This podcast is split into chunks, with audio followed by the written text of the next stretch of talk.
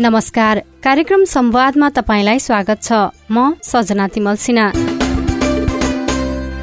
कार्यक्रम संवाद सामुदायिक रेडियो प्रसारक संघ अखुराबद्वारा संचालित सामुदायिक सूचना नेटवर्क सीआईएन मार्फत देशभरि प्रसारणमा रहेका करिब तीन सय सामुदायिक रेडियोबाट सुन्न सकिन्छ।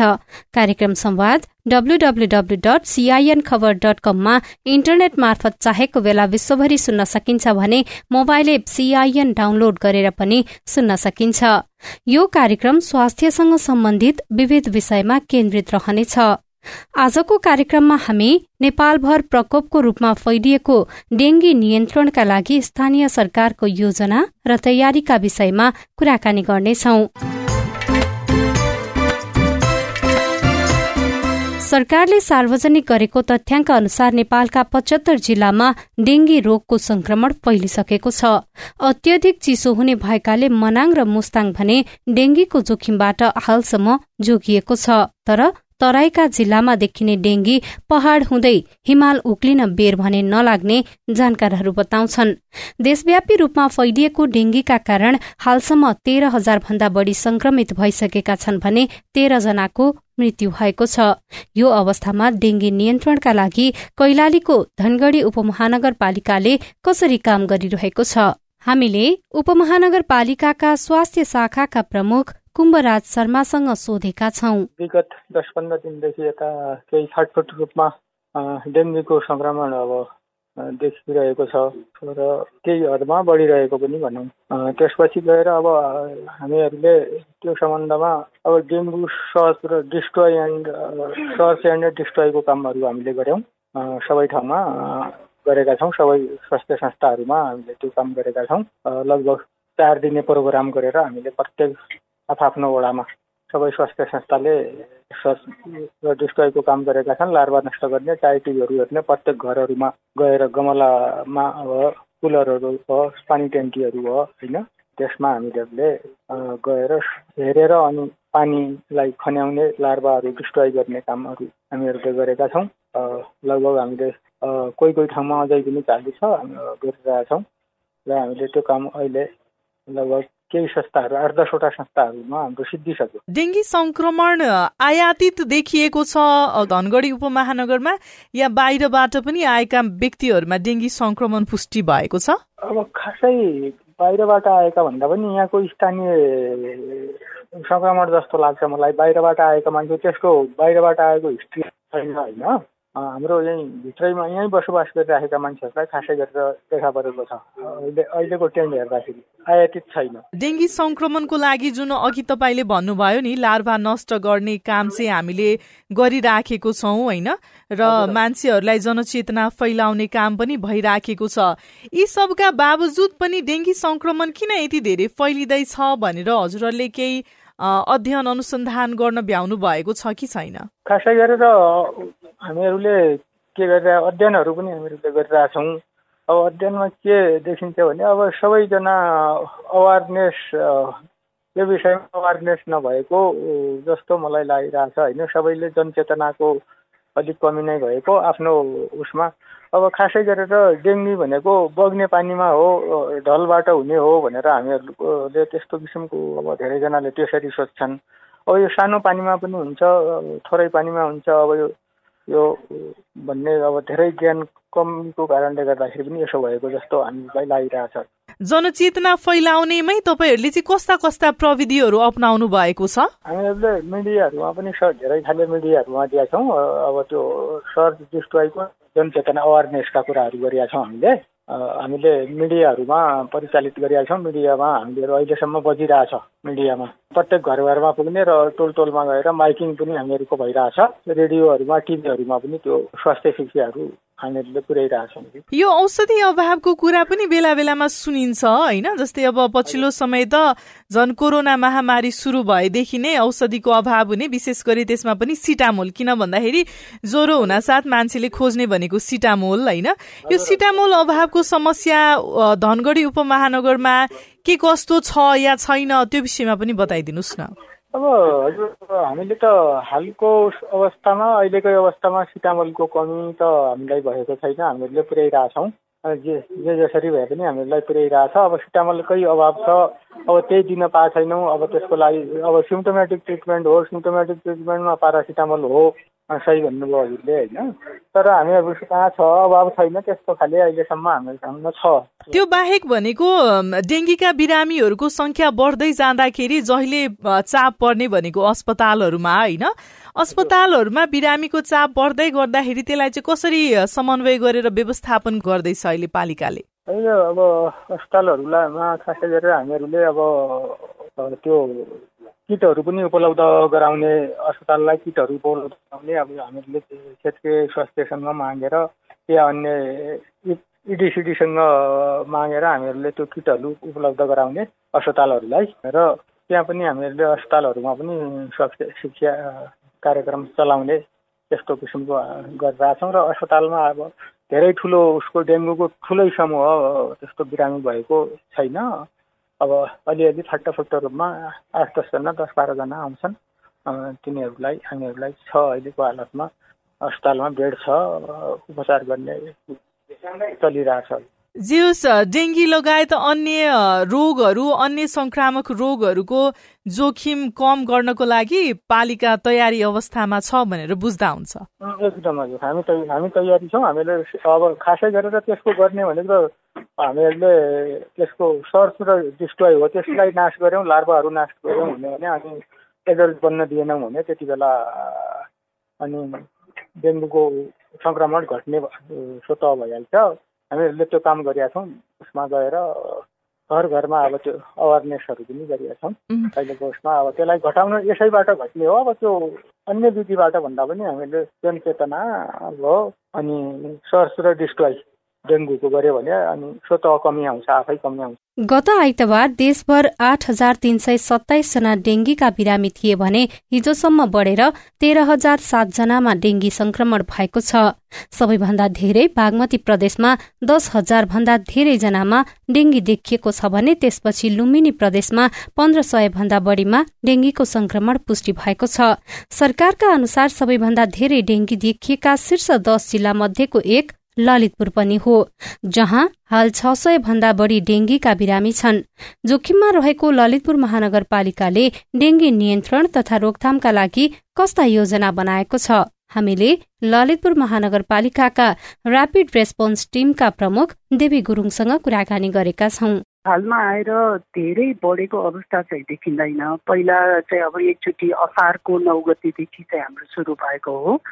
त्यसमा चाहिँ अब अलिकति बिचमा चाहिँ अलिक धेरै बढेको अवस्था थियो।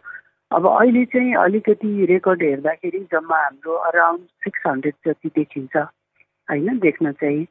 तर अब त्यति बढेको अवस्था चाहिँ छैन। हाइएस्ट धेरै माथि गएको अवस्था चाहिँ देखिँदैन। स्वास्थ्य तथा जनसङ्ख्या मन्त्रालयको तथ्याङ्क अनुसार डेङ्गी संक्रमण उच्च रहेको दस जिल्लामा ललितपुर पनि पर्छ होइन? र ललितपुर महानगरमा अब जनसङ्ख्या पनि धेरै हुने र मान्छेहरू एक ठाउँबाट अर्को ठाउँ आवत जावत गर्ने क्रम पनि हुन्छ।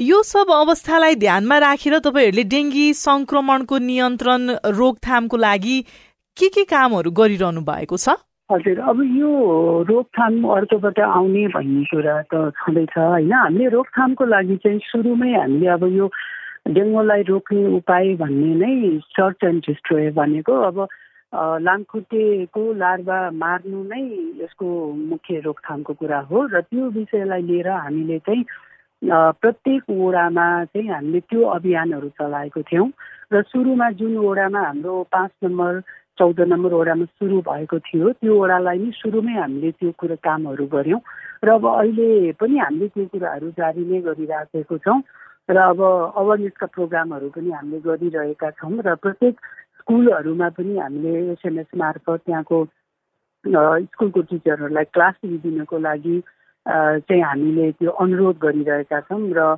बच्चाहरूलाई चाहिँ अब एउटा अभियान जस्तै चलाउने सरसफाइको अभियान जस्तै चलाउनको लागि पनि हामीले अनुरोध गरेको छौँ। र अब हामीले प्रचारहरू ब्रोसरहरू बनाएर हामीले उहाँहरूलाई ठाउँ ठाउँमा राख्ने स्कुलहरूमा पठाउने ओडा प्रत्येक ओडामा पठाउने त्यो काम चाहिँ हामीले गरिरहेछौँ जस्तै डेङ्गीको संक्रमण बढ्दै जाँदाखेरि स्वास्थ्य संस्थाहरूमा बिरामीहरूको चाप पनि बढ्ने हुन्छ होइन? त्यो कुरालाई चाहिँ व्यवस्थापन कसरी गरिरहनु भएको छ? हजुर हामीले सुरुमा जब डेङ्गुको ऊ भई डेङ्गुको नेपाल मतलब ललितपुरमा भइसकेपछि हामीले चाहिँ के गर्यौँ भने सबै स्वास्थ्य संस्थाको इन्चार्जहरू उहाँहरूलाई बोलाएर हामीले एउटा सेन्सिटाइज गऱ्यौँ। ल है अब चाहिँ हामीले ललितपुरमा चाहिँ महानगरपालिकाभित्र डेङ्गुको केसेसहरू देखेको छ। अब हामी तयारी अवस्थामा बस्नुपर्छ भनेर हामीले उहाँहरूसँग एउटा सेन्सिटाइज मिटिङ गऱ्यौँ। गरिसकेपछि अब त्यहाँ हुनुपर्ने पूर्वाधारहरू के के राख्नुपर्ने अब बिरामीलाई कस्तो खालको बिरामीलाई कसरी तयारी हुनुपर्ने भन्ने कुरा चाहिँ हाम्रो भइरहेछ र अहिले पनि उहाँहरूले गरिराख्नु भएको छ त्यो काम चाहिँ हामी गरिरहेछौँ। त्यसबाहेक पालिकाभित्र रहेका स्वास्थ्य संस्थाहरूसँग कसरी समन्वय गरिराखेको छ पालिकाले?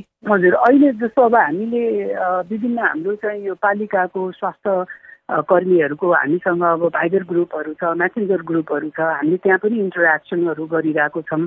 होइन अब उहाँहरूलाई भएका कुराहरू त्यही मार्फतबाट पनि हामीले समस्याहरू समाधान गर्ने उहाँहरूलाई परेका कुराहरू हामीले चाहिँ कसरी यो अब हामी जहाँ स्वास्थ्य शाखामा बसेका छौँ हामीले कसरी चाहिँ कोर्डिनेसन गर्ने उहाँहरूलाई फोन मार्फत उहाँहरूले केसहरूको रिपोर्टिङ गरिराख्नु भएको छ। त्यसरी चाहिँ हाम्रो फ्रिक्वेन्टली एभ्रिडे जस्तो कोर्डिनेसन र कम्युनिकेसन चाहिँ भइरहेछ। अहिले पछिल्लो समय अब सिटामोल अभावको कुराहरू पनि आइराखेको छ होइन? हुन त सरकारले हामी केही समयमै यसलाई समाधान गर्छौँ भनेर भन्दै गर्दा पनि सामान्य अवस्थामा पनि महामारी आउने बित्तिकै अभाव हुने भनेको सिटामोल होइन? त्यो कुरालाई चाहिँ तपाईँहरूले कसरी व्यवस्थापन गर्दै हुनुहुन्छ?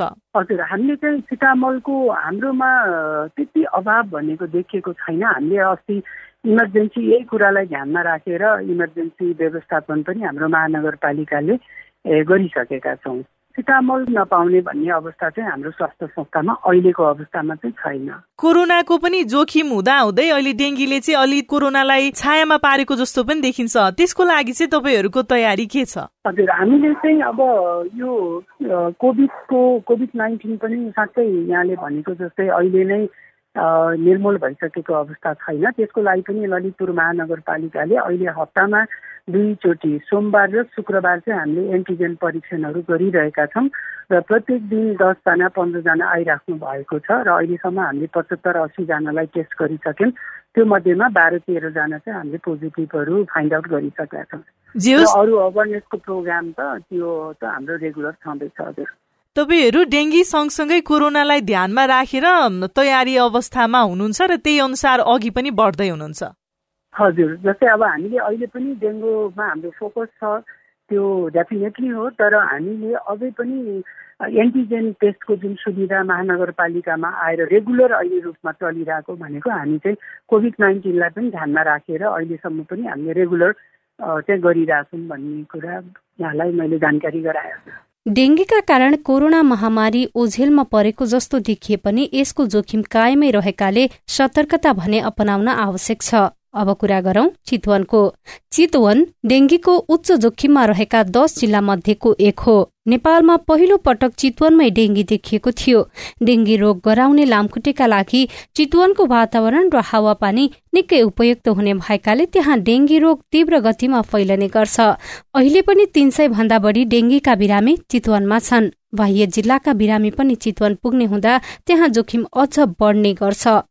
यी सबै कुरालाई ध्यानमा राखेर डेंगी नियन्त्रण रोकथाम तथा अस्पतालमा बिरामीको अवस्था लगायतका विषयमा हामीले स्वास्थ्य कार्यालय चितवनका प्रमुख दुर्गा दत्त चापागाईसँग कुराकानी गरेका छौं। चितवनमा अहिले पछिल्लो समय डेङ्गी संक्रमणको अवस्था कस्तो छ? चितवनमा डेङ्गी संक्रमणको अवस्था देखिरहेकै छ। डेङ्गीको केसहरू नयाँ नयाँ केसहरू आउने क्रम रहिरहेकै छ। विगत केही दिनदेखि हेर्दै जाँदाखेरि चाहिँ अहिले केसहरू चाहिँ बिस्तारै देखिराखेकै अवस्था छ। र अब अहिले चाहिँ हामीले बिस्तारै अब यो तथ्याङ्कहरू पनि स्थानीय तहदेखि नै हामी सङ्कलन गरिरहेका छौँ। पहिला अलिकति हाम्रो तथ्याङ्क सङ्कलनमा अलिकति कमी भएको थियो अहिले सबै ठाउँबाट गरिरहेका छौँ। अनि त्यो गर्दा केसहरू चाहिँ बढिरहेको अवस्था छ। जिल्लाभित्रकै मात्रै सङ्ख्या बढ्दैछ या बाहिरबाट आएका बिरामीहरूले गर्दा पनि जिल्लामा सङ्ख्या बढिराखेको देख्नु भएको छ? दुवै छ दुवै छ। यसमा चाहिँ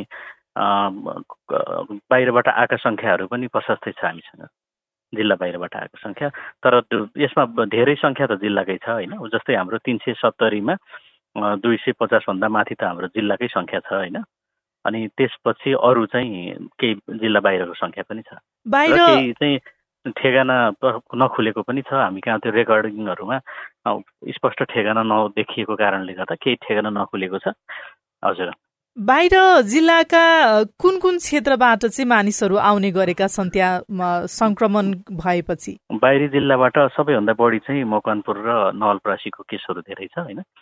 फाटाफुट्टा चाहिँ अरू जिल्लाको पनि केही छ। खास यो चितवनमा किन यति धेरै संक्रमित थपिँदैछन् डेङ्गीका केही भन्न सकिन्छ? अब चितवन चाहिँ सुरुदेखि नै अब नेपालमा पहिलोपटक डेङ्गी देखिएको जिल्ला हो होइन? सुरुदेखि नै यहाँ डेङ्गी सार्ने एडिस जातको लामखुट्टेको लागि एकदमै अनुकूल वातावरण छ यहाँ। र हरेक वर्ष वर्षाको समयमा यो लामखुट्टे अत्याधिक रूपमा वृद्धि हुने र यसबाट डेङ्गी सर्ने क्रम आइरहेको छ। र अब विगत केही वर्षदेखि सुरुदेखि नै भनौँ न यो महामारी आउन थालेदेखि नै तथ्याङ्कहरू हेर्दै जाँदा करिब तिन वर्षको अन्तरालमा अलि सङ्ख्याहरू बढ्ने यो ट्रेन्ड पनि देखिन्छ त्यस्तो खालको त्यसले गर्दा दुई हजार उन्नाइसमा अलिकति ठुलो आउटब्रेक भएको थियो। र अहिले चाहिँ त्यही हिसाबले चाहिँ सङ्ख्याहरू वृद्धि हुन्छ कि भन्ने हाम्रो अनुमान छ। र यसमा चाहिँ सबैभन्दा अघि हजुरले भनेको कुरामा सबभन्दा महत्त्वपूर्ण कुरा भनेको लामखुट्टेको लागि एकदमै उपयुक्त वातावरण अहिले बा वर्षा र घाम लाग्ने भइरहेको छ। यस्तो अवस्थामा चाहिँ लामखुट्टेहरूको वृद्धि विकास अत्याधिक रूपमा हुने हुँदाखेरि डेङ्गुको प्रकोप चाहिँ बढिरहेको पाइन्छ। कस्ता कस्ता अवस्था लिएर आउँछन् भनेको गम्भीर सामान्य कुन अवस्थामा चाहिँ बिरामीहरू अस्पताल आइपुग्ने गरेका छन्? अब अहिलेसम्म एउटा सन्तोषजनक कुरा चाहिँ चितवन जिल्लामा यो वर्षमा चाहिँ मृत्यु भएको छैन डेङ्गुको कारणले। धेरै धेरै सिरियस अवस्थामा भएका बिरामीहरू कम छन्। र धेरै जसो बिरामीहरू चाहिँ सामान्य खालका लक्षणहरू भएका अवस्थाका बिरामीहरू धेरै छन्। त्यसले गर्दा तर अब कोही कोही बिरामीहरूलाई चाहिँ गम्भीर अवस्थामा गएको चाहिँ देखिन्छ जस्तै यो रक्तस्रावको समस्या जस्तै आन्तरिक रूपमा रक्तस्रावहरू हुने होइन रगत नजम्ने खालको समस्या विशेष गरेर रगतमा प्लेटलेट्स घटेको कारणले गर्दाखेरि कोही चाहिँ बेहोस अवस्थामा पुग्ने होइन। यस्तो खालको चाहिँ समस्या भएका बिरामीहरू एकदम थोरै छन् तर त्यस्तो खालको समस्याहरू भएको बिरामीहरू धेरै जसो चाहिँ सामान्य खालका लक्षणहरू ज्वरो आउने जिउ दुख्ने आँखाको गेडी आँखाको भित्री भागमा बढी दुख्ने अनि हड्डीहरू एकदमै दुख्ने यस्तो खालको र कोही कोहीलाई चाहिँ बान्ता हुने झाड पखाला जस्तो पनि हुने अनि शरीरमा राता बिबिराहरू जस्तो देखिने यस्तो चाहिँ केही केहीमा।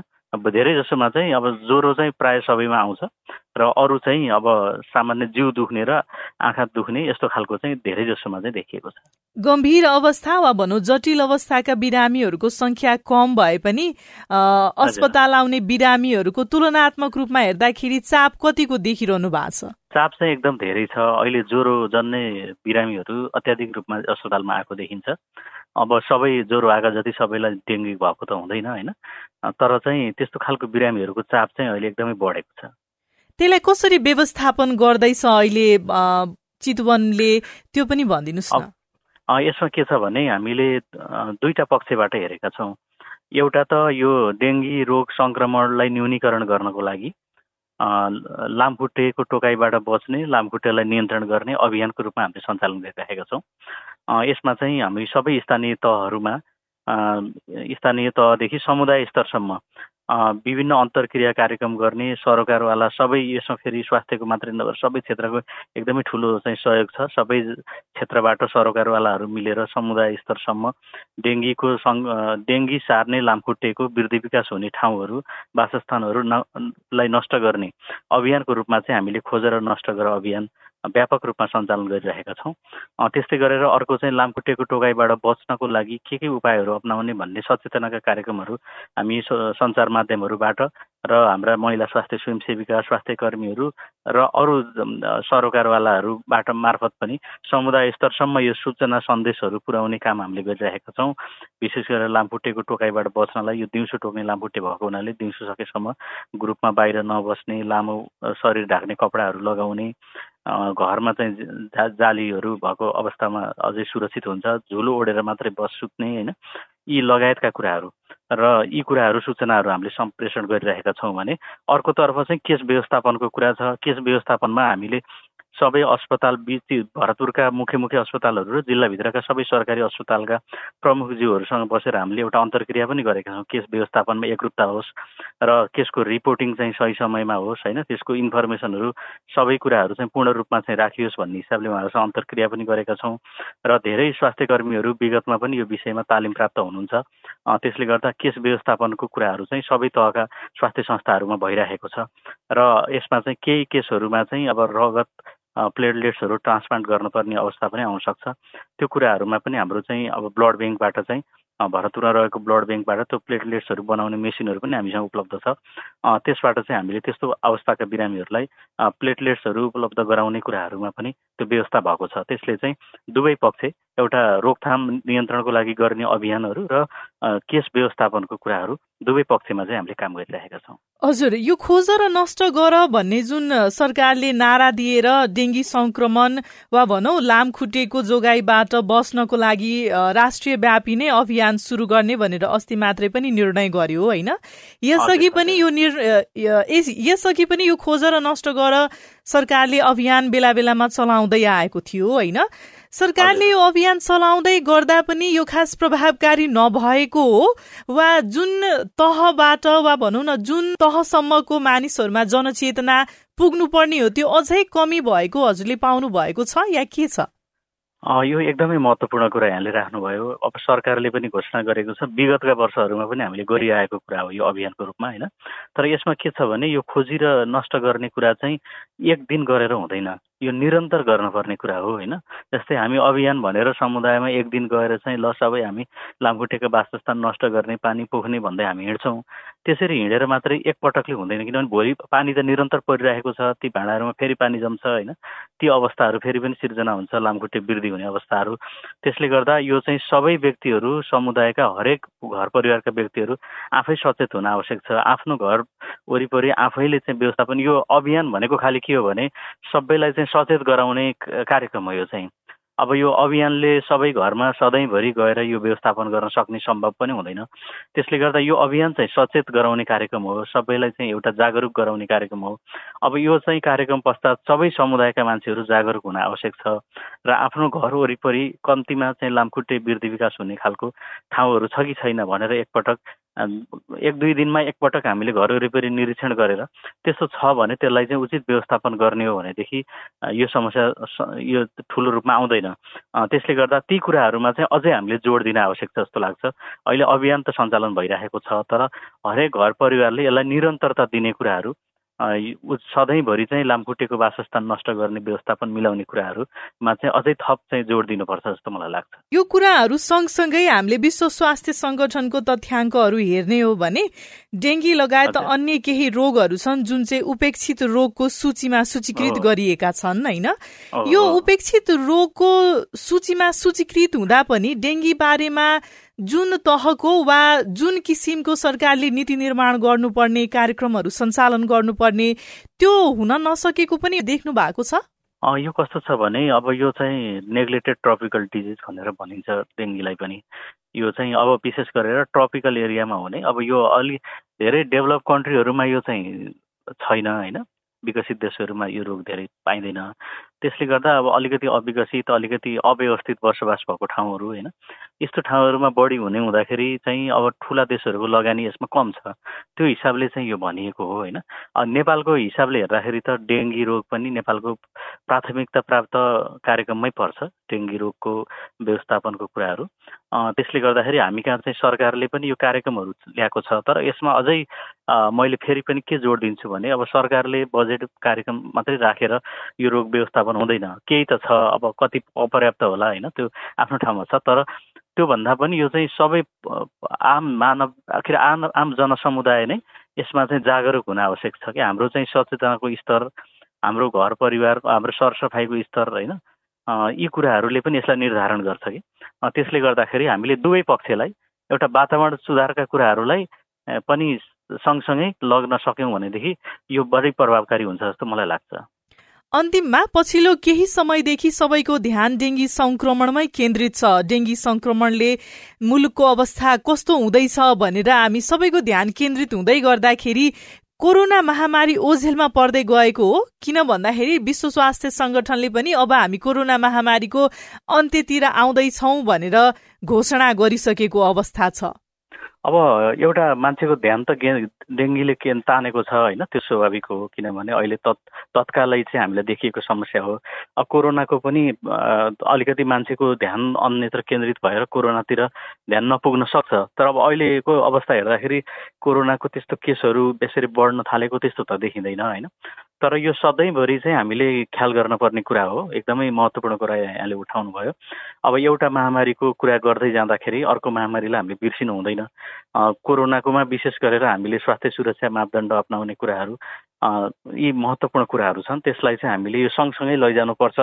अब केही हदसम्म त्यो हुनसक्छ होइन? मान्छेहरूले अब यो अर्कोतिर ध्यान गएपछि त्यो बिर्सने अवस्थाहरू आउन सक्छ यसलाई पनि हामी सबैले चाहिँ यसलाई चाहिँ निरन्तरता दिनको लागि चाहिँ सजग गराउनु पर्ने सचेत हुनुपर्ने अवस्था चाहिँ छ।